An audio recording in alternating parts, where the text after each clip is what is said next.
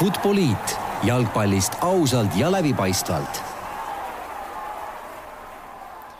no nii, tervitused taas kõigile Futboliidi kuulajatele, oleme eetris oma kolmeteistkümnenda saatega ja täna nagu ikka siin Delfi, Delfi stuudios mina, Raul Ojasäär ja Rasmus Raidla. tervist! ja, ja räägime nagu ikka jalgpalli praeguse hetke kõige põletavatest teemadest. täna siis taas juba mitmendat saadet järjest tegelikult räägime natuke Eesti koondise tegemistest ja seekord siis mõistagi äh, värske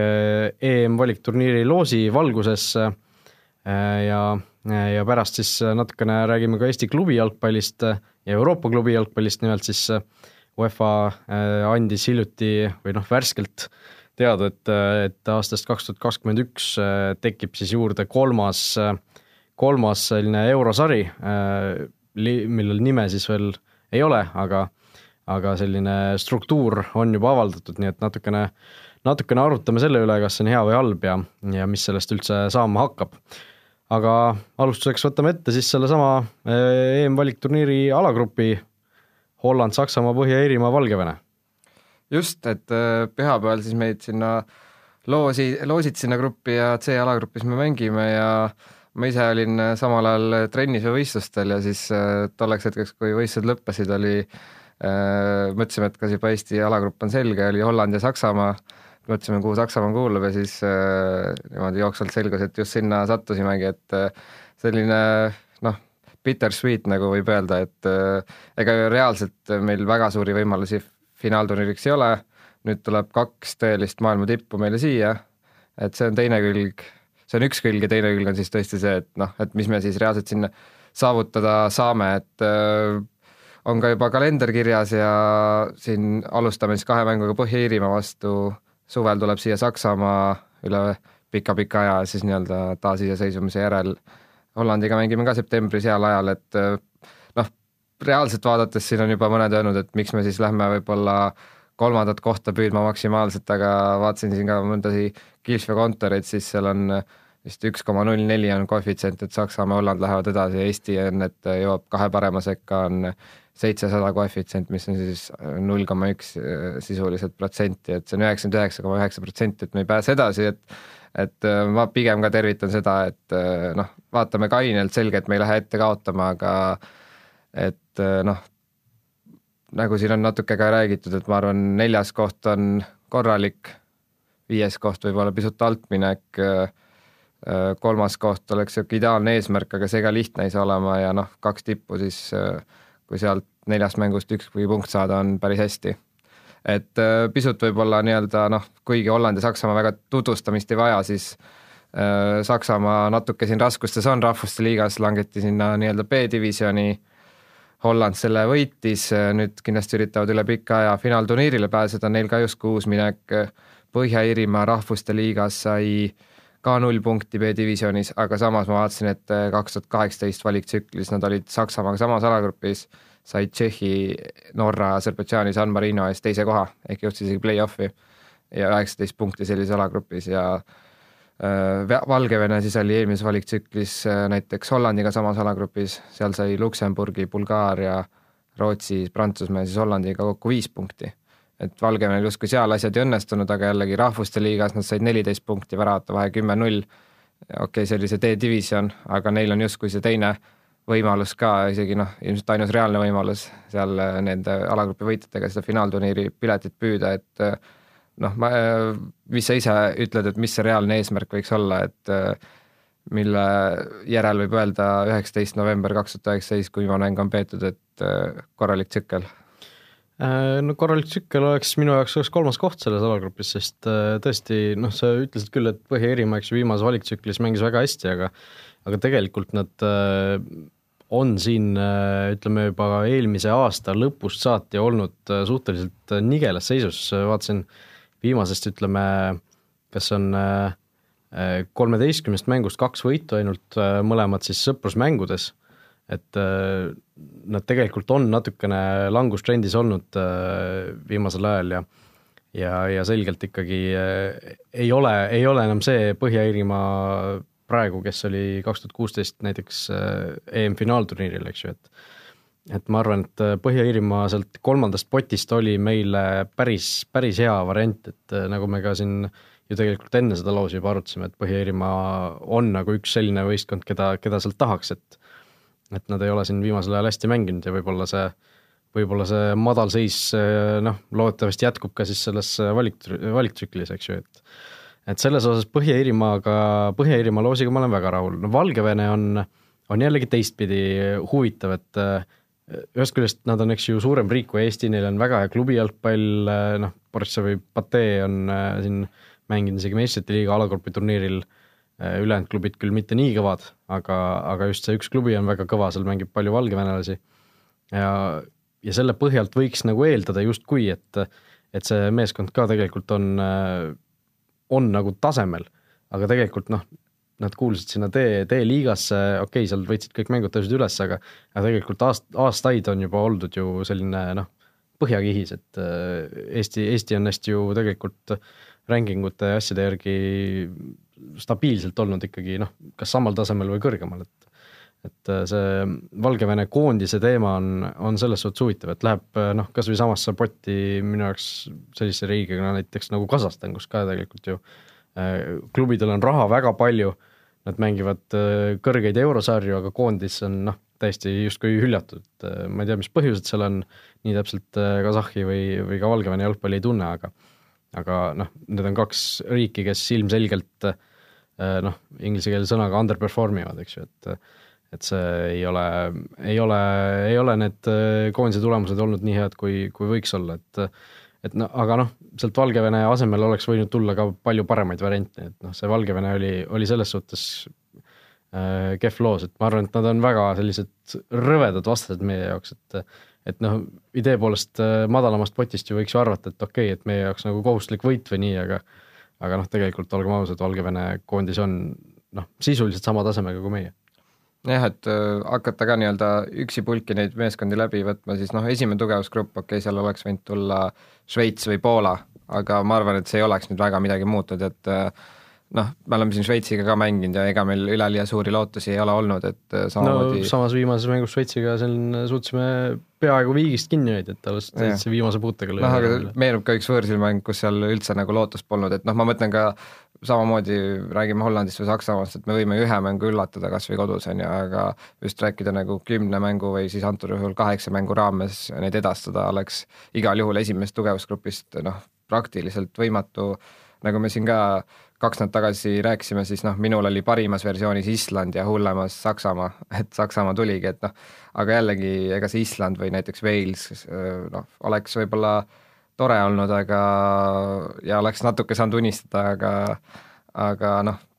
ega see oleks igal juhul keeruliseks läinud, nagu sa ütlesid, Põhja-Iirimaa tõesti äh, koos Iirimaaga me vist tõime nad välja sealt, et äh, samas, samal ajal noh, oleks see täielik surmagrupp tulnud, oleks me võinud saada ka Türgi või Serbia kolmandast. siis oleks see pilt eriti must ja no viiendast, nagu sa ütlesid ka, et äh, mitte nüüd kõige parem, et seal olid Makedoonia, Kosovo, Armeenia, Aserbaidžaan, kes oleks võib-olla äh, umbes sama masti, on ju, aga noh, seal samal ajal oleks võinud saada ka Gibraltari või Fääri saared. aga ma arvan ka jälle laias laastus see väga suurt ei muuda ja noh, kuna siis Holland on rahvuste liigas seal play-off'is, siis see on viiene alagrupp ja ei Lätit, Liechtensteini, Andorrat ja San Marinot ja Maltat me siis ei saanud saada. aga noh, mis see, mis seal nagu üldse siis lootustega peale minna, et siin mõned äh, küünikud on juba öelnud, et kas Reim on õiges kohas ja jällegi on justkui selline olukord, kus me võime kaks tuhat üheksateist, noh, vist on hea see, et äh, siin tekib paar sõpruskohtumise kohta, aga võib, võib ka olla selline olukord, et kui me kaks tuhat üheksateist valikmängudest äh, näiteks saame, ma ei tea, neli punkti või võidame ühe või ei võida ühtegi, et äh, kas selle koha pealt on Reimil nagu keeruline olukord? kuigi noh, töö on tellija materjalist, ega siin ei saagi imet loota, aga aga fakt on siis see, et äh, siin oli just ka eile ERR-is, et päris nukker aasta oli meil numbrite poolest kaks tuhat kaheksateist ja kui tuleb sarnane veel otsa, et äh, ka selles osas võib-olla huvitav vaadata, et mis siin saama hakkab nojah, et noh, tõsi on, et sealt äh, grupist ju väga palju punkte, noh, seal ei ole ühtegi punkti, mis sa saaksid juba tabelisse endale põhimõtteliselt kirjutada, et noh, a la kui oleks seal Gibraltar või Andorra, et siis noh, sisuliselt ju saaks, aga aga jah, selles osas on äh, järjekordne selline suhteliselt ilmselt väravate vaene ja kuiv valiktsükkel tulemas, et et siin ei ole, ei ole nagu selliseid meeskondi, kellel Joonas Tamm saaks lihtsalt kübartrikki lüüa või, või midagi sellist ja ja aga, aga noh, sellegipoolest minul on nagu isegi pigem hea meel, et sealt äh, esimestest gruppidest tulid need kõvad, kõvad vastased, eks ju, et et noh, sellest on ka juba räägitud, et noh, võimalik ju, et A Le Coq Arena saab kaks viieteist tuhandest mängu ja ja, ja saame nagu kaks, kaks väga kõva, kõva kodu, kodumängu. Ja, ja teine asi on see, et just seda pinget nagu edasipääsemise puhul ei ole, et mis noh, okei okay,, et see oleks ju, praegu oleks võib-olla noh, võtaks, võtaks pigem vastu sellise, sellise alagrupi, kus meil oleks nagu noh, näeks mingisugust reaalset šanssi selle teise koha peale võidelda, aga, aga noh, selles suhtes, et praeguse koondise seisu juures, kus meil noh, selline põlvkondade vahetus vaikselt on, on nagu noh, soolas Äh, siis, äh, siis võib-olla ongi hea, et meil ei ole nagu, ei ole sellist pinget peal, et äh, noh, saame rahulikult võtta neid mänge, me saame mõnevõrra võib-olla katsetada ja noh, katsetada muidugi mitte selles suhtes, et paneme C-koondise peale, aga, aga just selliseid võistlusmängudes erinevaid olukordi saame läbi mängida ja, ja valmistuda noh, järgmiseks EM-valiktsükliks juba võib-olla nelja aasta pärast, noh, MM-il on raske pääseda, okei okay,, siin on rahvuste liigad vahepeal pigem siis võib-olla selleks rahvuste liigaks vaikselt, et noh, selles suhtes on natuke kurb, eks ju, et me, meil ei ole võib-olla millegi peale eriti võidelda, aga samas eh, sellise koosseisuga, nagu meil praegu on, noh, sellise hooga, nagu me praegu oleme mänginud, kus meil ei ole noh, Ragnar Klavani kõrval erilisi selliseid tõelisi tähtmängijaid, eh, siis noh, meil ei olekski erilist, erilist nagu pointi kuhugi, kuhugi püüelda, et et selles osas ongi nagu kahetsed tunded, aga, aga just äh, võib-olla sellise tavaliste jalgpalli irgisejate mõttes äh, võib-olla ongi hea, et meil on siin Saksamaa ja Holland, et keegi ei hakka siin,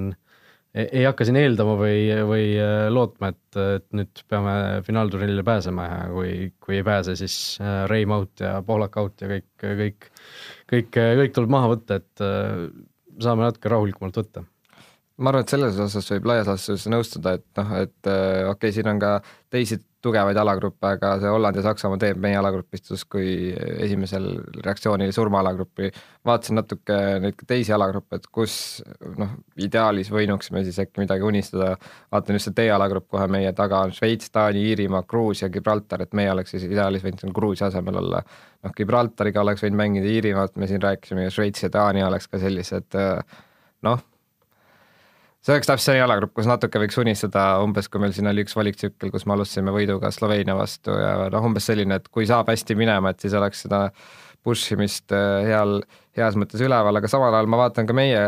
valikmängude kava ja mulle meeldib see, et me alustame kahe mänguga Põhja-Iirimaa vastu, et äh, esimene võõrsis viimane, viimane kord, kui me kaks korda järjest Põhja-Iirimaaga mängisime, siis kuus punkti. jah, et äh, Põhja-Iirimaaga siis märtsis alustame ja siis juunis on äh, teine mäng, et juba mingid kontorid on tulnud välja ka selle esimese mängu koefitsientidega, seal siis Põhja-Iirimaa võidu koefitsient üks koma neli. ehk noh, ikka väga tugev favoriit, et see võib-olla näitab ka, et me siin võime rääkida, et justkui võiks Põhja-Iirimaad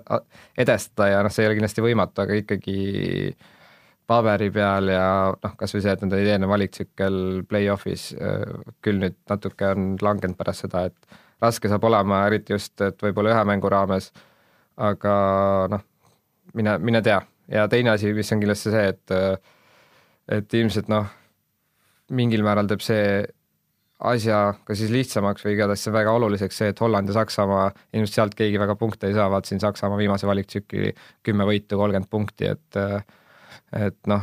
sisuliselt siis need neli mängu nagu otsustavad, mis meist, mis meist saab. Jah, et noh, ehk kaks mängu Põhja-Iirimaga kohe ongi see, et noh, sisuliselt saab selgeks juba juunikuuks, et mis meil sellest valiktsüklist saab, et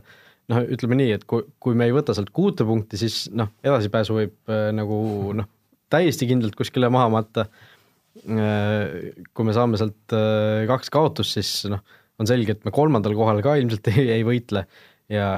ja noh, võib-olla mingisugused viigid või üks võit mõlemale annaks seal mingisuguseid lootusi veel selle kolmanda koha peale võitlemiseks, aga noh, see saabki suhteliselt kiiresti selgeks, aga noh, kogu see valiktsükkel muidugi saab suhteliselt kiiresti selgeks, ühe aastaga kõik ju ära mängitakse. jah, äh, mis veel võib-olla välja tooks äh, siin, kohe järgmine teema on Joel Lindberg ka, on ka siin rääkinud, et, äh, et et äh, justkui motiveerida noh, kas noormängijaid üldse koondist, et Saksamaa on niivõrd kõva pähkel, et neid tasub vaatama minna ja et kui Eesti mängiks viiki ja võidaks, et see oleks selline asi, millest räägitakse üle maailma, et võib-olla mingil määral kui on kritiseeritud, kas minna ette kaotama, siis võib-olla noh, see on selline hea vahepealne lahendus, et noh, oled küll realistlik, aga tead, et midagi ka justkui kaotada pole. Ja noh, mis on kindlasti ka, nagu sa ütlesid ka, et see kaks suurt,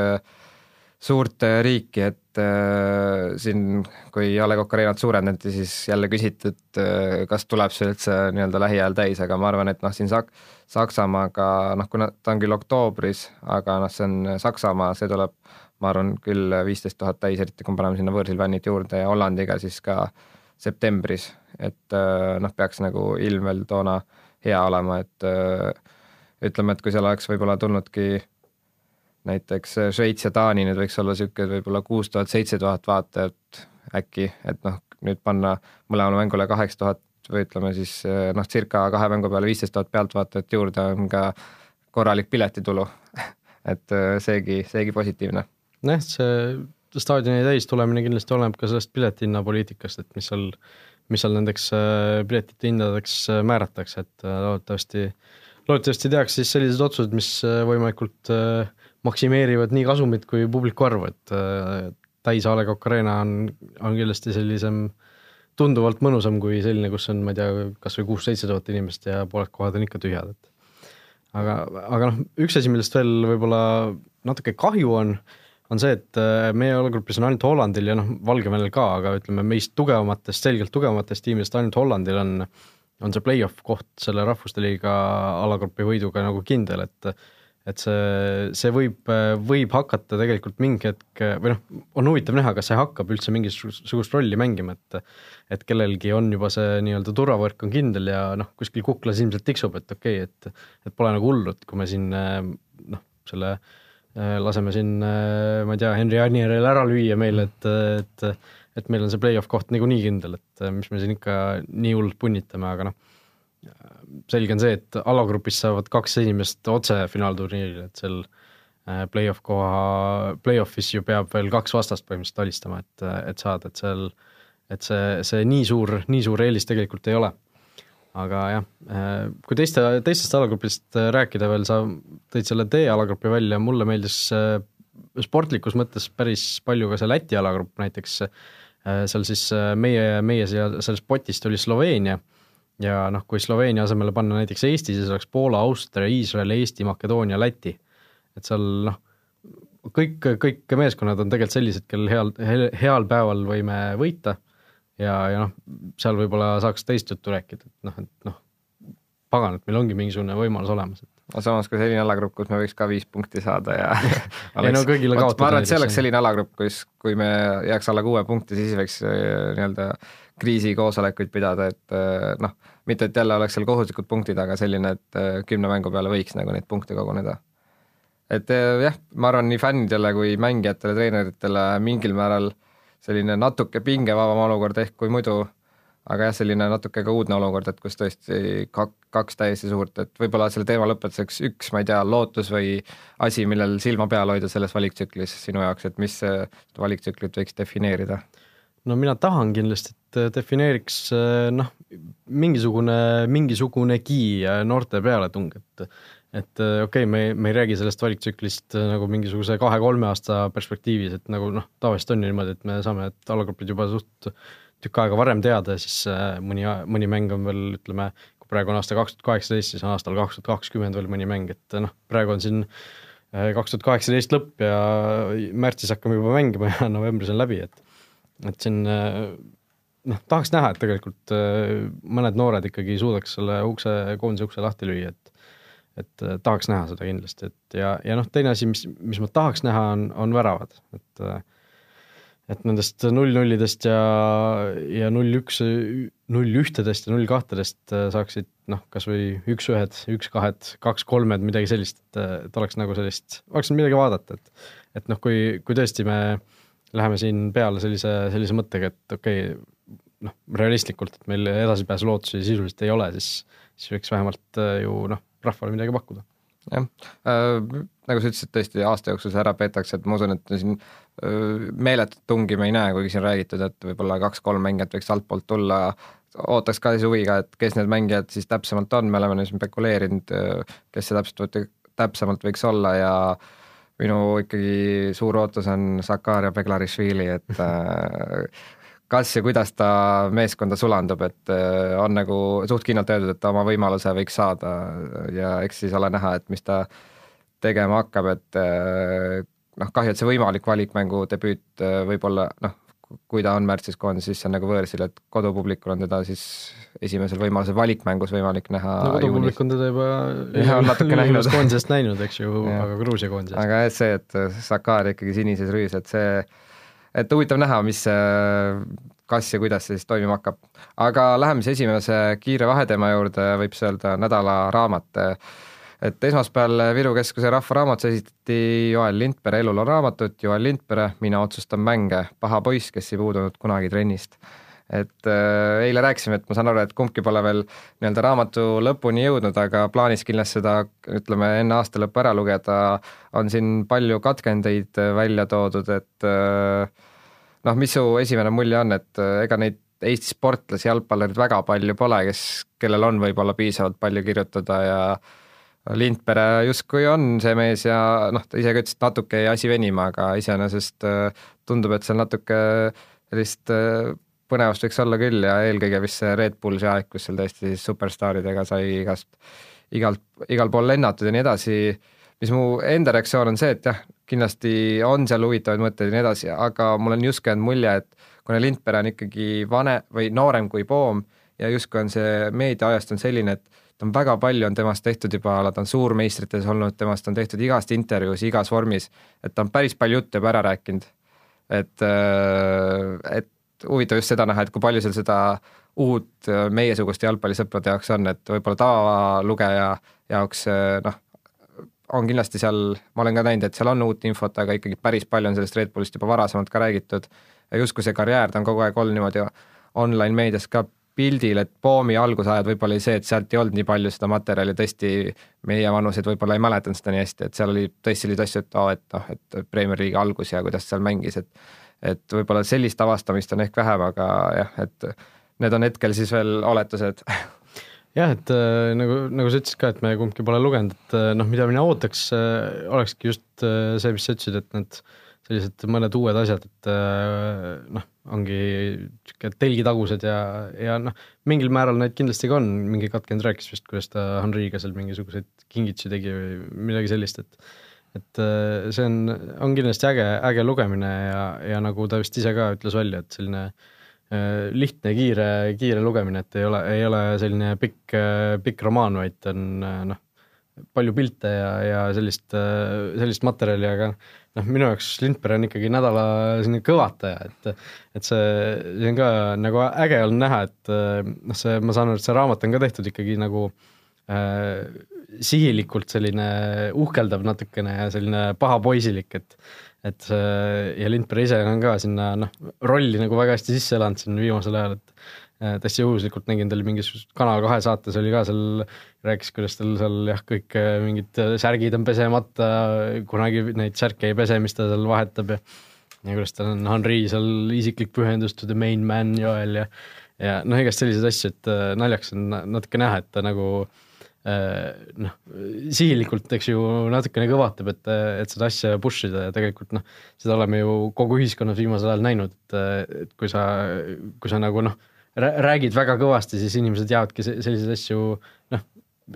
kas uskuma, aga noh, sul, sinu, sinust jääbki selline äge mulje, et või, ja mida kõvemini sa karjud, seda rohkem sa pildis oled, eks ju, noh, alates siin Donald Trumpidest, Lavar Paulidest on ju, eh, noh, kõik sellised näited, et Lindberg natuke ka toob sellist nagu kultuuri siia sisse, et eh, selles suhtes eh, väga äge, et see on ette võetud. Ja, ja kindlasti on noh, tema, tema, temapärane raamat et äh, nagu ma olen aru saanud. aga kes oleks veel need jalgpallurid, kes, äh, kellest Eestis praeguse seisuga sobiks nagu raamat kirjutada, Vassiljev, Klaavan, on keegi veel? jah, ma just tahtsin sinult äh, sama asja küsida, et siin Indrek Sveede, selle raamatu siis kaasautor võib öelda, ütles, et Andres Ooperit ise natuke ootab ja loodab, aga mul tunne, et see on justkui see magusam aeg on nagu mingil määral võib-olla pisut maha magatud, et võib-olla siis tuleks natuke teise nurga alt see, et ka elu pärast jalgpalli, noh, ta on küll jalgpalli sees, aga ütleme pärast profikarjääri siis. Klava on kindlasti, saan aru, siin Lindberg ütles ka, et kas ta ütles juba, et ta üritab siis teda tagant push ida või siis tegeleb sellega juba noh, Vassiljev kindlasti, aga mis ma olen näinud ka välismaal ja mina natuke ootaks, et tegelikult oleks tore ka selline raamat keskpärasest jalgpallurist, selline noh, meistriliiga jalgpallur, kes äh, võib-olla vahepeal muretseb, et kuidas kuu lõpuni raha jätkub ja äh, iga võib-olla talv on see, et kas tuleb uus leping ja kõik need muud pinged, et selline heas mõttes paljastav justkui see, et mis see Eesti, just äh, võiks olla selline mängija, noh, ta võib ka vahepeal välismaal käia, aga just see, et tavaline Eesti meistriliiga niisugune profitasemel jalgpallur. Ander Frolov jah, oleks, minu arust oleks päris tore, tore lugemine, iseasi noh, kui nüüd lai kandepind sellel oleks, aga Inglismaal ja mujal on selliseid päris palju tulnud, et eh, on neid ka tulnud nii-öelda anonüümses võtmes ja siis on oletatud, kes see võib olla, on ju. et eh, mis iganes külje, külje pealt, et see oleks ka võib-olla selline lõbus, lõbus ja huvitav lugemine, võib-olla mis mõtted sul on, mis siis pärast karjääri üldse teed ja kõik sellised asjad no üks inimene, kes veel kindlasti võiks mingisuguse mälestuste raamatu lõpuks kokku panna, on muidugi Aivar Pohlak ise, et mm -hmm. et noh, kunagi hallis, hallis eas siis kõik, kõik asjad ausalt ära rääkida, ma arvan, et see oleks ikka tõsine hitt, aga noh, iseasi, kas ta tahab seda teha. jah, ma arvan, et raamatutele joon alla. jah, ja läheme siis teise kiire vaheteema juurde eelmises saates, kui olin mina ja Kaspar Elissaar siin, siis rääkisime sellest natukene pikemalt ka, Ballon d'Ori valimine esmaspäeval siis äh, hõigati välja ka lõpuks see, mida kõik äh, juba enne sisuliselt teadsid, Luka Modric siis äh, selle aasta, aasta parimaks jalgpalluriks valiti seal mitmete teiste meeste ees, mm, no rääkisime ka, et noh, kas Modric peaks olema parim, kas ta ei peaks olema, et et seal oli, oli tegelikult päris palju sellist diskussiooni, aga ei, ei olegi, noh, see iseloomustab ka seda aastat, ei ole sellist ühte kindlat nime, kelle, kellega kõik nagu nõus oleks. jah, eile, kui me nii-öelda natuke teemasid paika panime, siis me rääkisime ka, et äh, oli justkui selline aasta, et ükskõik, kes oleks võistnud, et äh, oleks see mingil määral kriitika olnud, et kuidas tema siis parim on, et äh, noh, Modric ka ju, ütleme, see nüüd käimasolev hooaeg, ta ei ole, ta ei ole maailma parim jalgpalluri vääriliselt mänginud, aga võib-olla mis üllatas, on see, et ta sai seitsesada viiskümmend kolm punkti ja Ronaldo oli temast juba ligi kolmsada punkti maas, et selline päris, päris kindel võit ja noh, ja mis teine võib-olla huvitav, on see, et see pikk, pikk Ronaldo ja Messi ülemvõim äh, nii-öelda siis pidurdati või pandi kinni nende eakaaslase poolt, et ei olnud justkui selline noor ja vihane Neimar või Pape, vaid äh, Luka Modric, et äh, selles mõttes tore jah, ma arvan, et äh, mingil määral Modricist ka, kas just kahju, aga justkui see, et mul on tunne ka, et et seda seekord ei plaksutatud kaasa, et sa tõesti olid parim, vaid oli see arutelu, et kes siis võinuks võita, aga ega kellelgi ju mingit väga head võitvarianti ei ole, et siin ma ei tea, Salah oli justkui Liverpooli eest hea ja siis MM-il noh, Egiptusega ongi raske midagi saavutada ja nüüd see aasta pole ka või käimasolev hooaeg pole niivõrd hea olnud. et minu arust, mis aitaks selliseid arutelusid äh, nagu teha nii-öelda ausamaks ja selgemaks, on see, et noh, andke see auhind juunis või juulis äh, MM-i hooajal siis juulis või no mingi suvel, kui on hooajad läbi, on ju, et siis on nagu üks kindel see, et seda kalendriaastat on jalgpalli mõistes natuke naljakas mõõta, et äh, ma ei tea, et Salah, ma ei tea, näiteks noh, ma ei tea, kaks tuhat seitseteist, okei okay,, Salah ei ole nii, aga ütleme, mõni mängija, ma ei tea, võidab klubide meistri, meistri selle, siis läheb kolmkümmend, ma ei tea, detsember, Salah lööb kuskil Premier League'is kübaratriki, aga see justkui ei lähe sinna arvestusse, see on seesama, mis me natuke arutasime ka Eesti jalgpalluri valimistel. ma arvan, et seal ei ole see nii oluline, sest seal on ka nii-öelda Eesti liiga liigub samas rütmis. mitte, et nagu Eesti liiga vallurist väga palju oleks, aga see on justkui selgem, et meil on ka Skandinaavia mehi ja nii edasi. aga seal oli ka kerge anomaalia, me just rääkisime, et noh, Klava on justkui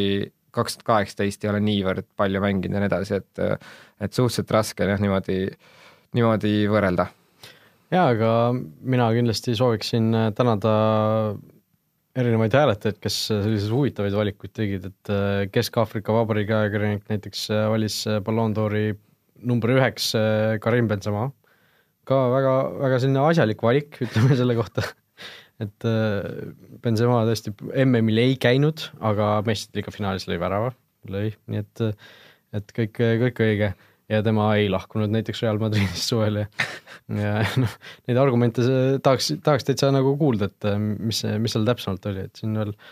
noh, neli mängijat veel, kes said siin esikoha hääli, Sergio Aguero, Thibaut Courtois Kõrgõzstanist näiteks, St Kitsi ja Nevis ajakirjanik valis Neimari ja Vanuatu ajakirjanik siis noh, ei kellegi muu kui MM-i parima väravlööja Harry Kane'i, et et ka igati selline aus valik ja ja, ja teinekord,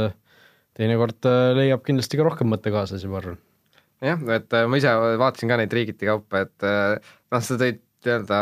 parimad valikud välja, et seal noh, näiteks Egiptuse ajakirjanik valis Salahi, et ainus vist, kes valis Salahi esikohale, seal võib-olla mõned olid veel, aga noh,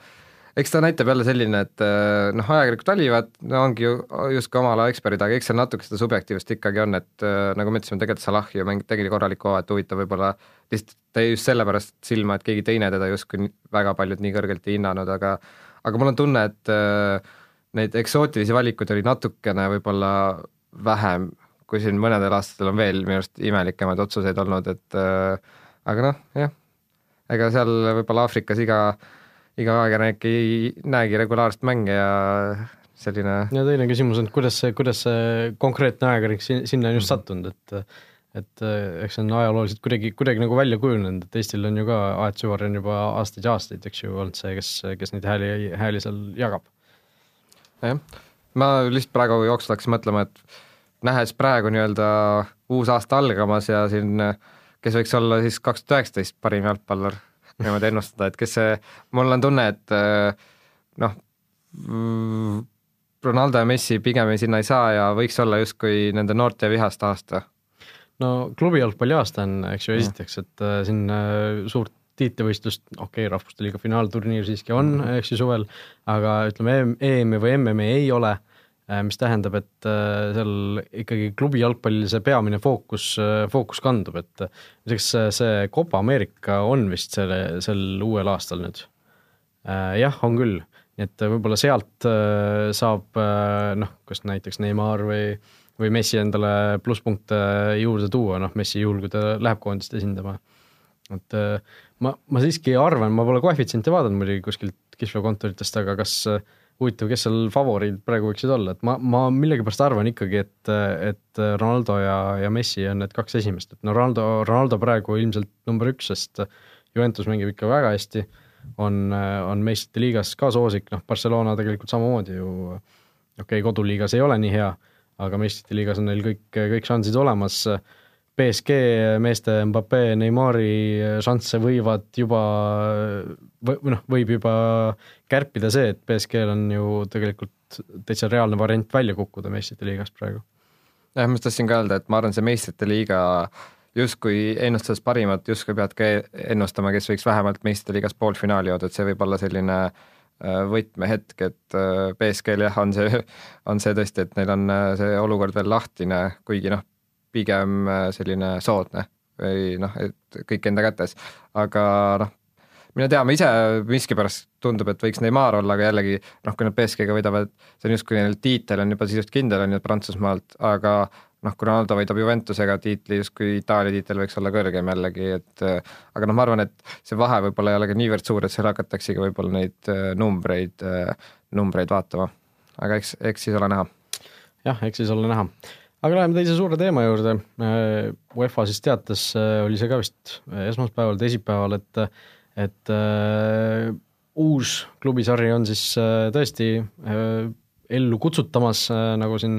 mõned kuud tagasi juba, juba saistati äh,. noh, esialgne selline töönimi on sellel siis Euroopa liiga kaks äh, tõsiselt palun kõiki, kõiki, et, et seal ikkagi mingi muu nimi välja mõeldakse head varianti ise ei oska muidugi välja pakkuda praegu, aga aga, aga noh, tõesti äh, selle struktuur on siis äh, välja juba hõigatud ka, äh, sisuliselt hakkab see siis väiksemate klubide jaoks või väiksemate riikide klubide jaoks asendama Euroopa liigat, selle, just selles mõttes, et kui Eesti teine, kolmas ja neljas klubi läksid siis muidu mängima Euroopa liiga valik, neid valik nii-öelda voore siis või kvalifikatsioonivoore, siis nüüd nad liiguvad otse sinna kolmandasse sarja. Euroopa liiga alagrupi turniir tõmmatakse neljakümne kaheksalt klubilt kokku kolmekümne kahe peale. Ja, ja nii meistrite liiga, Euroopa liiga kui siis see uus, uus sari hakkavad siis olema kolmekümne kahe tiimiga alagrupis, ehk siis kuusteist kohta te-, tekib alagruppides juurde eurosarjade peale kokku samal ajal jäävad siis, jääb siis samaks see arv klubisid, kes euromänge mängib, ehk siis kõik riigid ikka saavad täpselt sama, sama palju klubisid eurosarjadesse saata. Natuke eile ka sinuga arutasime, Rasmus, no mis sinu esimesed nii-öelda emotsioonid on, kas see no kõigepealt ärme võta veel Eesti klubisid mängu üldiselt, mitut alagrupi mängu uuest sarjast sa vaatama hakkaksid keskmiselt hooaja jooksul?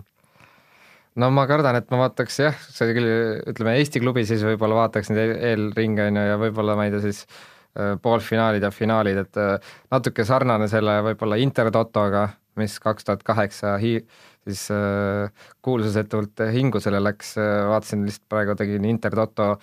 võitjad lahti, et oskad sa öelda kaks tuhat kaheksa Intertoto karika võitja ähm.? selline mälumängu küsimus. kaks tuhat kaheksa, see on siis viimane jah yeah.? Mingisugune Twente või mingi midagi äh, sellist. Praga, Praga võttis Praga. selle tiitli, et äh, jah, selline kaks tuhat seitse võitis Hamburg ja kaks tuhat kuus Newcastle, aga tõesti ma arvan, et ka suured jalgpallifännid neid äh, finaale ei mäleta, et äh, noh, ma ütlen jällegi iseenesest äh, tore, et äh, sellest ju sahistati varasemalt, et tuleb selline sari, aga äh, aga ma tunnen, et see on niisugune poolik versioon või siin Eesti klubid on ka natuke juba kurtnud, et äh, seal vist küll peaks kolmkümmend neli klubi nüüd äh, saama vähemalt äh, ühes kolmes sarjas osaleda, aga palju on segast, et kas see, kas see auhinnapott siis väheneb, ütleme nendele, kes seal e-ringides osaleb, siis mis motivatsioon peaks olema näiteks Inglismaa seitsmendal mängida seal, on ju, et kõik sellised küsimused, et ma arvan, et seal noh, hakataks mängima võib-olla alates poolfinaalidest, eks palju oleneb ka auhinnarahadest ja nii edasi, aga no ma arvan, et Inglismaa ja Saksamaa tiime sa väga ei motiveeri seal alagrupi turniire. Noh, see peab väga suur summa olema, et nad saavad oma liigadest niivõrd suuri summasid ja samal ajal mulle tunduks justkui parem versioon olnud see, et las see Euroopa liiga jäägu sama suureks, aga siis siia siis kolmkümmend kaks tiimi ja oleks selline, olekski selline noh, keskmik, keskmik ja selline turniir, et aga praegu see on justkui niisugune natuke üritatakse seal tippklubisi ka või tippliigade klubisi panna, aga eks ole näha, mis sellest välja tuleb, et palju segast, aga iseenesest noh, kaks tuhat kakskümmend üks ta vist tuleb, et see siis juba kaks tuhat kakskümmend ehk ülejärgmist hooaega mõjutab, et et ma saan aru, et ka Eesti klubid veel päris täpselt ei tea ja noh,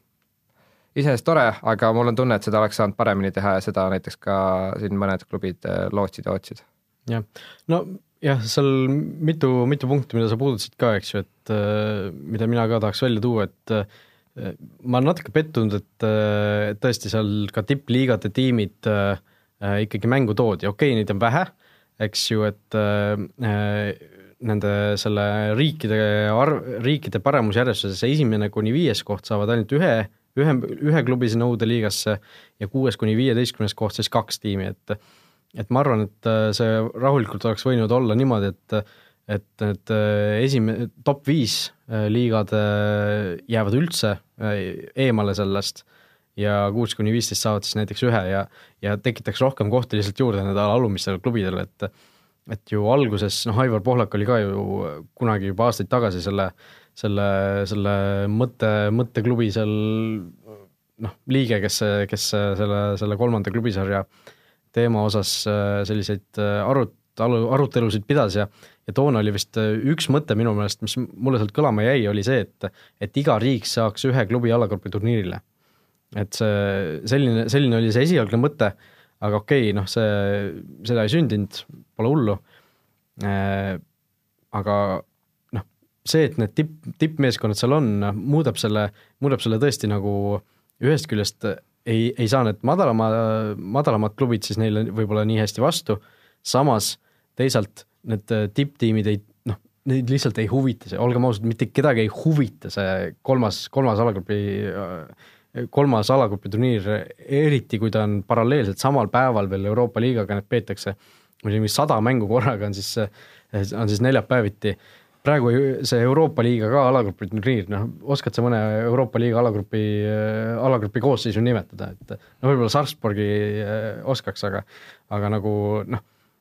see Euroopa liiga on ka ju tegelikult praegu selline täiesti tei-, teisene sari, meistrite liiga on see, kus, kus on telepilt, kus on huvi, kus on, mis on, mida on nagu äge vaadata. et, et see, et sinna kolmas ka veel tekitada, ilmselt see ei huvita mitte kedagi, need tipptiimid ei taha seal mängida ise, noh, see on tõesti mingi tüütu kohustus nende jaoks, praegu on neil hea võimalus, noh, langevad seal Euroopa liiga kuskil avaringides või noh, play-off ringis välja umbes ja noh, saavad rahulikult liigale keskenduda, et see et see, et sul kuskilt Inglismaalt mingi kuues või seitsmes klubi saab äh, hakata seda äh, Euroopa liiga kahte mängimas, noh see, ma arvan, et neil pole, pole mitte mingisugust motivatsiooni seda mängida, et et noh, nagu sa ütlesid, oleneb muidugi auhinnarahadest, aga, aga tõesti näiteks Premier League'is need telerahad on nii, niivõrd suured, et see mingisugune UEFA toetus on seal suhteliselt köhid, et et pigem, pigem ikkagi keskendutakse seal liigamängudele, et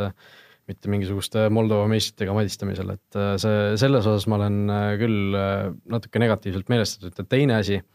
on see, et noh, Eesti klubide vaatevinklist, kui muidu oli see, et noh, sul oli see ihaldatud see koht, kuhu sa tahad saada, on Euroopa liiga alagrupi turniir, eks ju, noh, realistlikult mõeldes, siis praegu Euroopa liiga alagrupi turniirile ei ole siin teisel, kolmandal, neljandal kohal üldse võimalik saada, nad alustavad kohe seda, seda kolmandat, kolmandat sarja. Ja, ja kusjuures äh, siin selle kolmanda alagrupi turniiri äh, või noh, selle kolmanda sarja alagrupi pääsemine ei ole üldse oluliselt lihtsam, kui praegu on Euroopa liigasse pääsemine, et sa pead ikka sama palju neid eelringe võitma, sama palju vastaseid võitma, et Eesti nende teise, teise, kolmanda ja neljanda klubi jaoks on see lihtsalt äh, noh, see põhimõtteliselt ülesanne on ikka sama raske, aga see auhind, mis sul on võimalik saada, on lihtsalt kordades mõttetum, et noh, Euroopa liiga on ikkagi noh, praeguses seisus, kui, kui võrrelda seda selle kolmanda sarjaga, siis on ikkagi nagu prestiižikam, et et ma arvan, et see, see kolmas sari ei, ei huvita mitte kedagi peale nende klubide, kes seal ise mängivad. Jah, Euroopa liigast äh, selle miinus ongi see, et kui meistrite liiga nädal, siis on teisipäev, kolmapäev ja tavaline fotifänn, kes noh, neutraalne fotifänn, siis on nädalavahetusel koduliigad, et justkui tahab ühe päeva jalgpallist puhata ka, et see neljapäev tihti see päev on, nii palju veel täpsustan, tutvusin siin Intertoto suurepärase ajalooga ja tegelikult on olnud niimoodi, et kaks tuhat kaheksa, kaks tuhat seitse, kaks tuhat kuus oli tegelikult liigal äh, üksteist võitjat, et seal mängiti mingeid alagruppe, need võitjad said omakorda Euroopa liigasse toona UEFA Cupi ja siis see, kes seal kõige kaugemale jõudis, see selle tiitli nii-öelda virtuaalselt või siis ka reaalselt sai, et kuidagi imelik süsteem jah, et siin kaks tuhat viis oli kolm võitjat ja et äh, igatahes noh, uue sarja kiituseks, et vähemalt niivõrd segane see pole, et äh, et noh, jah, kahju on see, et äh, ta võiks olla selline tõesti, et ma ei tea, Nõmme Kalju ja Levadia või Flora, kui nad jäävad teiseks-kolmandaks meie liigas, äh, siis saagu ikkagi mängida seda Euroopa liigat ka ja siis, äh, et justkui näiteks neil oleks ka sama, sarnasel meistrile kaks mängu garanteeritud, kui sa langed välja, siis sa saad sealt proovida edasi. et äh, noh, kuidagi võikski ju kas või niimoodi filtreerida, kui praegu saab neljas ka Euroopasse, siis näiteks las see, kas näiteks noh, Eesti mõistes ma vist mõtlen, et oleks huvitav näiteks, kui näiteks teine saab Euroopa liigasse ja kolmas-neljas mängivad seda kolmandat või siis teine-kolmas saavad Euroopasse, et see annaks äh, see mingil määral aitaks ka meie liigale kaasa, mis siin on räägitud, et oleks vahe, kas et tek-, et jah, et tekib justkui see aasta ka ju viimases voorus seal vahetasid need kohad, ega see Flora ja Levadia justkui noh, tegelikult ju väga au, auasi lihtsalt. jah, aga, aga see oleks tegelikult äh,, annaks väga palju juurde ja mingil määral päästaks ka võib-olla seda, et siin on sellest poolitamisest ja asjast räägitud, okei okay,, ta nüüd seda tagumist poolt nii palju ei mõjutaks, aga ikkagi ta muudaks äh, selle vahe päris äh, tuntavaks, et see oleks, see oleks tõesti suurepärane, et äh, aga jah, tundub tõesti, et nii ei, ei ole, kuigi siin vist jah, siin noh, palju segast veel on, aga tõesti tundub, et need Eesti klubid ikkagi mängiks seda kolmanda e-ringi ja, nagu sa ütlesid, et et ega see väga palju lihtsam ei ole, Eesti klubidest vist kaks klubi on niimoodi, nii kaugele jõudnud, aga see on siis Kalju ja Levadia, aga see oli ka niimoodi, et nad, see ük, üks nii-öelda võit läks tegelikult noh, oli see enda see oli teistsuguses süsteemis tegelikult. et siis praegu mängivad nii-öelda need noh, need San Marino ja need tiimid mängivad nii-öelda eelringe, mis ei lähe sinna esimese ringi alla, et see oli, et ikkagi noh, reaalselt umbes sa peaks võitma esimeses ringis, ma ei tea, midagi Maccabi Haifat, kelle siin Flora päris kindlalt kaotas. Ja või Tel Aviv, jah, midagi see Tel Avivi, Maccabi, kes iganes, et noh, sa peaks võitma, ütleme jah, mingit sellist Balkani tiimi või kuskilt sealtkandist mingit tiimi ja siis midagi sarnast veel, võib-olla mingit Skandinaavia tiimi, et võimalik, aga ikkagi raske ja samal ajal sul on justkui välistatud see võimalus üldse Euroopa liigas mängida. et muidugi ta veel rohkem suurendab, nüüd keskendus veelgi Eestile, mulle tundub, et ta veelgi rohkem suurendab seda kääre meistrite ja teiste vahel. et kui juba praegu see, juba sellest aastast oli see, et üks saab miljon ja teised noh, peavad päris kaugele jõudma, et sama summani jõuda, et äh, mul tunne, et see summa võib, või käärid võivad veel, veelgi suureneda, et äh, noh noh, Eesti klubide jaoks okei okay,, et äh, nagu lihtsalt natuke kuulajale ka võib-olla ülevaade teha, siis äh, noh, kõige parem variant sinna uue, uue sarja alagruppi jõuda on ikkagi, eks ju, meistril, aga selleks noh, kõige reaalsem variant on see, et meistrite liiga selles esimeses ringis, kus sa tõesti ütlesid, noh, Floral tuli sel aastal vastu, eks ju, Iisraeli klubi Hapoel, et seda, seda vastast võita meistrite liiga siis sellise noh, sinna teise eelringi nii-öelda jõuda, sealt, kes kaotab, läheb siis Euroopa liiga kolmandasse eelringi ja kui seal ka tugev vastane vastu tuleb, kaotad seal ja siis on Euroopa liiga kaks see play-off ja, ja seal siis kedagi, kedagi võita, et et see on ikkagi päris, päris raske. Ja, ja noh, mitte võimatu, aga ikkagi väga raske, et et ja noh, kui väga veab, siis muidugi variant on ka niimoodi, et Euroopa liigas või selles meistrite liigas kaks vastast alistada, ehk siis jõuda sinna kolmandasse eelringi ja seal kaotada, siis sa oled juba automaatselt äh, Euroopa liiga play-off'is ja kui sa seal kaotad, siis, äh, siis, siis sa lähed sinna uue, uue alagrupi, mitte alagrupi, vaid uue, uue sarja alagrupi turniirile, et et seal on noh, kaks sellist võib-olla põhilist teekonda, kuidas Eesti klubid võiksid sinna saada, et et keeruline, keeruline. jah, et kui siin justkui võis esialgu jääda mulje või loodeti, et noh, et üle aasta vähemalt võiks sinna pääseda, siis noh, ma arvan, et äkki viie aasta peale me korra jõuame ja see oleks selles mõttes huvitav juba näha, et kuidas see mõjub nagu klubile või üldse Eesti jalgpalli, et kui, kui palju huvi pakuks sellised alagrupi mängud, et noh, kui meil noh, et siin korvpallis ja võrkpallis on ka igasuguseid kolmandaid sarju ja ega seal kõrvalt vaata väga täpselt noh, kui kommentaator ütleb, et see on tugevalt kolmas sari, siis on, aga ega seal peas keegi ei oska neid täpselt öelda, aga samal oleks väga huvitav, kui tõesti oleks selline, et me peaks siin võib-olla pärast hooaja lõppu ka keegi mängima alagruppi ja selles mõttes oleks huvitav ja noh, et väik-, natukenegi see aken suurenes, et tõesti kolmkümmend neli riiki on garanteeritud, et meie liiga noh, nii-öelda ei justkui küündi by default nii-öelda sinna, aga ikkagi heal just selle meistri tee kaudu või kuidas iganes ikkagi võiks äh, noh, et oleme eelnevalt midagi sarnast suutnud saavutada, et võiks sinna ikkagi korra, ma arvan, enne kaks tuhat kakskümmend viis aastat jõuda. noh, ma praegu ausalt öeldes ei näe, et meil oleks sellist võimalust, et meie klubid ikkagi eurosarjas on siin viimasel aastal tappa saanud suhteliselt järjekindlalt, et et ei ole, ei ole siin, ei ole siin nagu erilist lootust, aga, aga mine tea, et võib-olla tuleb, mõni aasta õnnestub väga legionäridega kellelgi ja ja, ja tuleb selline tugev tiim, nagu Levadial oli kunagi siin Vassiljevite ja asjadega, et et noh, mine tea, aga, aga minu, minu üld, üldkokkuvõte on see, et ma ei, ei vaata sellele väga hästi, kuigi noh, okei okay,, Eesti klubidel marginaalselt on suurem šanss kuhugi jõuda, aga aga noh, see, see, kuhu me jõuame, ei ole enam see, mis, mis, mis oli vanasti, et et tõesti selline luuserite, luuserite turniir, et äh, kõik igas äh, mingisuguses äh, faasis kaotajad liiguvad nagu sinna edasi, et et noh, Euroopa liiga eriti nüüd, et tõesti keeruline, keeruline jutt kokku võtta, seda võib-olla tõesti kuulajal ei ole, ei olegi kõige kergem jälgida, kui siin igasuguseid neid skeeme ja pilte ees ei ole, aga aga noh, kokkuvõttes Eesti klubidel on ikka väga raske igale poole pääseda, et no, selles jah. osas midagi ei muutunud. jah, sa küll ütled nii-öelda luuserite turniir, aga ma arvan samamoodi nagu siin mõned kritiseerivad seda rahvuste D-liigat, et ma arvan, lõpuks kui keegi sinna Eesti klubidest pääseb, siis see on ikkagi, lööme käsi kokku ja ikka on huvitav jälgida. ja mis ma veel lõpetuseks võib-olla nii-öelda natuke ehk kardan, mul on justkui meeles, et siin äh, on vist sahitud Narva Trans seal Intertotos natuke tegi musti tehinguid ja vaatan siin lihtsalt kiirelt neid tulemusi, et seal võib ka see oht tekkida, et kui seal saavad igasugused Albaania klubid ja auhinnarahad väga suured pole, et seal võib natuke sellist äh, rumalat äh, sahistamist ka tekkida, aga noh, see on nii-öelda ettekartus ja eks siis kaks tuhat kakskümmend üks oleme targemad, mis sellest reaalselt äh, saama hakkab. just nii aga läheme edasi meie viimane viimane rubriik, Optibeti panustamisrubriik ja ja läheme siis äh, mängudega nädalavahetusse. minu esimene mäng on siis äh, Inglismaa Premier League'ist äh, laupäeval kell viis Manchester United Fulham United siis värskelt tegi siin Arsenaliga kaks-kaks viigi, väga selline kummaline mäng see oli eile ja koefitsiendid on siis sellised, Old Traffordil mäng toimub, Unitedi võit üks koma kolmkümmend viis, hoidke kindlasti ka kõrge kaarega eemale, Viik viis koma kakskümmend viis ja Fulami võit kaheksa koma kakskümmend üheksa, et ma arvan, et noh, United ei ole kodus sel hooajal kohe üldse hästi mänginud, et see on, on äh, nende, nende suur selline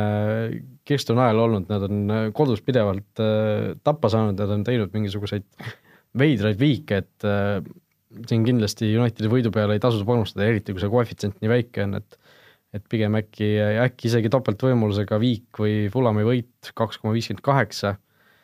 noh, on, on ilmselt natukene parem väärtus, et Unitedi praegust seisu arvestades ei ole siin, ei ole siin küll nende peale mõtet üldse kohe mitte panustada. jah, vaatasingi eile seda Unitedi Arsenali mängu, et eh, noh,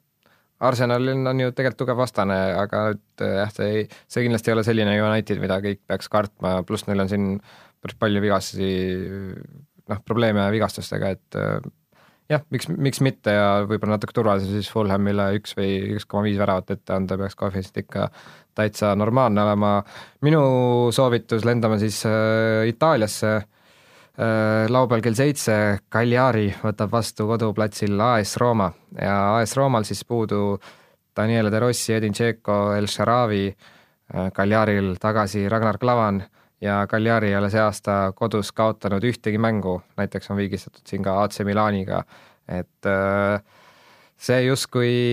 paneb äh, lootma, et võiks siin äh, punkti napsata küll ja siin noh, Roomal ju rääkisin vigastusi, vigastustega probleeme, lisaks nad tõesti liigas siin, liigas nüüd üliveenvad ei ole olnud, neil neljateist mängu kakskümmend punkti, Cagliaril kuusteist punkti, et ega see vahe niivõrd suur ei olegi, aga Rooma siis viimasest viiest mängust ainult ühe liigas võitnud. et äh, need vigastuste probleemid, Cagliari kodus tugev, äh, miks mitte proovida Cagliari poole, siis äh, nii-öelda pluss null koma viis ehk siis viik või võit üks koma üheksakümmend üheksa, anda üks värav või nii-öelda null koma kakskümmend viis, et siis on üks koma seitsekümmend kaheksa, see on ja, või siis üks koma kuue kanti, et raske näha, et Cagliari sealt suurelt, suurelt kaotaks, et nii palju, kui neid mänge on jälgitud, siis kaitses ollakse soliidsed, Rooma ei ole päris see Rooma, kes eelmine aasta meistrite liigas tegusid tegi, vigastused, võõrsil mäng, nii edasi, nii edasi. mis see viigi koefitsient tavaline oli lihtsalt? see mm,, need mõlemad tiimid on nagu nii palju viiki mänginud viimasel ajal, et see tundub, tundub ühest küljest nagu loogiline, loogiline tulem natukene. jah, kohe, kohe selle välja otsin jah, ja mis teine, mis me oleme siin ka enne soovitud Kaljari mängude puhul, viik on kolm koma seitsekümmend seitse. Mm. ja jah, Kaljari mängude puhul näiteks alla kolme värava üks koma kuuskümmend kolm, et eh, ehk peab neli väravat olema, et see panus kaotaks, on ka ehk selline mõttekoht. jah, eh, minu eh, teine panustamissoovitus, läheme siis aja, ajas natukene tagasi, laupäeval siis neliteist kolmkümmend, millegipärast tuli see Unitedi mäng enne, aga aga neliteist kolmkümmend lähevad vastamisi Bournemouth ja Liverpool Äh, Bournemouthi võidukoefitsient neli koma seitsekümmend seitse kodus, äh, siis Viik neli koma kakskümmend üks ja Liverpool võõrsil üks koma kuuskümmend kuus, et Liverpool siin viimasel ajal on tegelikult hakanud äh, näitama neid selliseid noh, kas ohumärke või, või noh, nad ei ole tegelikult ühegi sellise top kuuest väljaspool oleva satsi vastu punkte ära andnud sel, sel hooajal, et aga viimased mängud on tulnud suhteliselt selliselt napilt ja noh, eriti see muidugi see Evertoni, Evertoni mäng, mis mis seal tõesti eriti, eriti naljaka värava tõttu veel see võit ära võeti, et et noh, mingi hetk see libastumine tuleb ja, ja samamoodi soovitaksin topeltvõimalust, et Bournemouthi võit või viik, eriti kodus, neil on väga hea ründeliin, üks koma üheksakümmend kuus, et äh, Liverpooli äh, Liverpooli see rida mingi hetk ikkagi lõpeb ja ma, ma olen suhteliselt äh, veendunud, et kui, kui kellegi vastu, siis Bournemouth võõrsil, Bournemouth see hooaeg on olnud päris, päris korralik ja ja ma arvan, et äh, neil on, neile võib siin panustada küll. jah, ma olen nõus, kuigi siin Bournemouth vahepeal kaotas neli liigamängu järjest äh, aga seal oli ka kaks kodumängu Arsenali ja Unitediga, kus siis kaks-üks mõlemad kaotati ja tegelikult mõlemas mängus anti korralik lahing Arsenali vastu, vaatasin ise ka seda, väga sümpaatne mängupilt ja nüüd äh, nädala sees võideti Huddersfield, et justkui tagasi äh, nii-öelda võidurajal äh, Liverpoolil ju väga oluline meistrite liiga mäng ootamas, eile oli Burnley'ga raskustes, lisaks noh, kuna siin oli see nädalasisene voor ja Liverpool mängis eile, siis ka see taastumisaeg on väiksem, kuigi seal natuke roteeriti, et justkui jah, tähtedesse tundub loogiline kirjutatuna, et Liverpool siin libastada võiks, et et täitsa jah, potentsiaalne selline libastumiskoht. Ja minu teine soovitus oleks samuti Inglismaalt äh, suur jalgpallilaupäev tõesti ootamas ja üheksateist kolmkümmend Chelsea võtab kodus vastu Manchester City. et äh, koefitsiendid siis äh, soosivad Cityt, täpsemalt siis City seal võidukoefitsient ühe koma üheksa kandis, vaatame kohe täpsemalt, jah, viik kolm koma seitsekümmend üheksa ja Chelsea võit kolm koma kaheksakümmend kuus, oleme siin enne ka rääkinud, et sellised suurte mängud, et palju need eelnevad mängud nüüd väga palju loevad, et Chelsea eile kaotas, kaotas siin ka Tottenhamile ja just nii naljakas, kui see ka ei tundu, just sellepärast mulle tundubki, et nad ei saa ju kaotada neljandas mängus, nelja mängu, kolm mängu kaotada, see oleks justkui, et noh, kui siin oli äh, veel kaheteist vooru järel null kaotust ja siis järsku läheb asi täitsa käest ära, lisaks neil ju nii-öelda noh, kui Cityl on veel meistrite liiga ootamas, Chelsea saab rahulikult seda Euroopa liigat seal äh, Äh, põristada, et äh, võiks ju kodus vähemalt punkti küll võtta, et siin Chelsea pluss null koma viis, üks koma kaheksakümmend üheksa, Chelsea nii-öelda äh, noh, nii-öelda viik ei loe kaks koma seitsekümmend seitse, et midagi selles suunas, tundub sulle loogiline võtta kõik?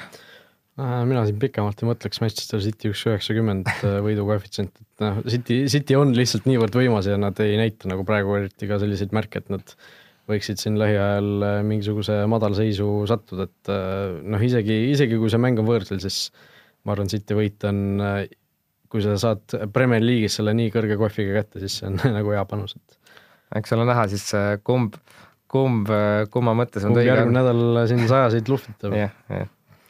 aga okei okay,, tõmbame saatele joone alla, kolmeteistkümnes saade meil lõppes, noh, Martin Mungi saade siis ilmselt seda äh, küsimust ma ootasin ja tegelikult mul oli vunk valmis, aga noh, nüüd äh, natukene ootamatult tõin selle ikkagi mängu lõpus, aga aga tõesti, Martin Mungil siit tervitused saadame ja ja, ja oleme juba eetris järgmisel nädalal, kui eetris on ilmselt siis Konstantin Vassiljevi numbriga saade number neliteist, nii et et äh, äh likeige meid Facebookis, võite meile sinna postkasti kirjutada, kui on küsimusi, ettepanekuid, soovitusi ja, ja kuulake meid juba järgmisel nädalal Futboliit. Jalgpallist ausalt ja läbipaistvalt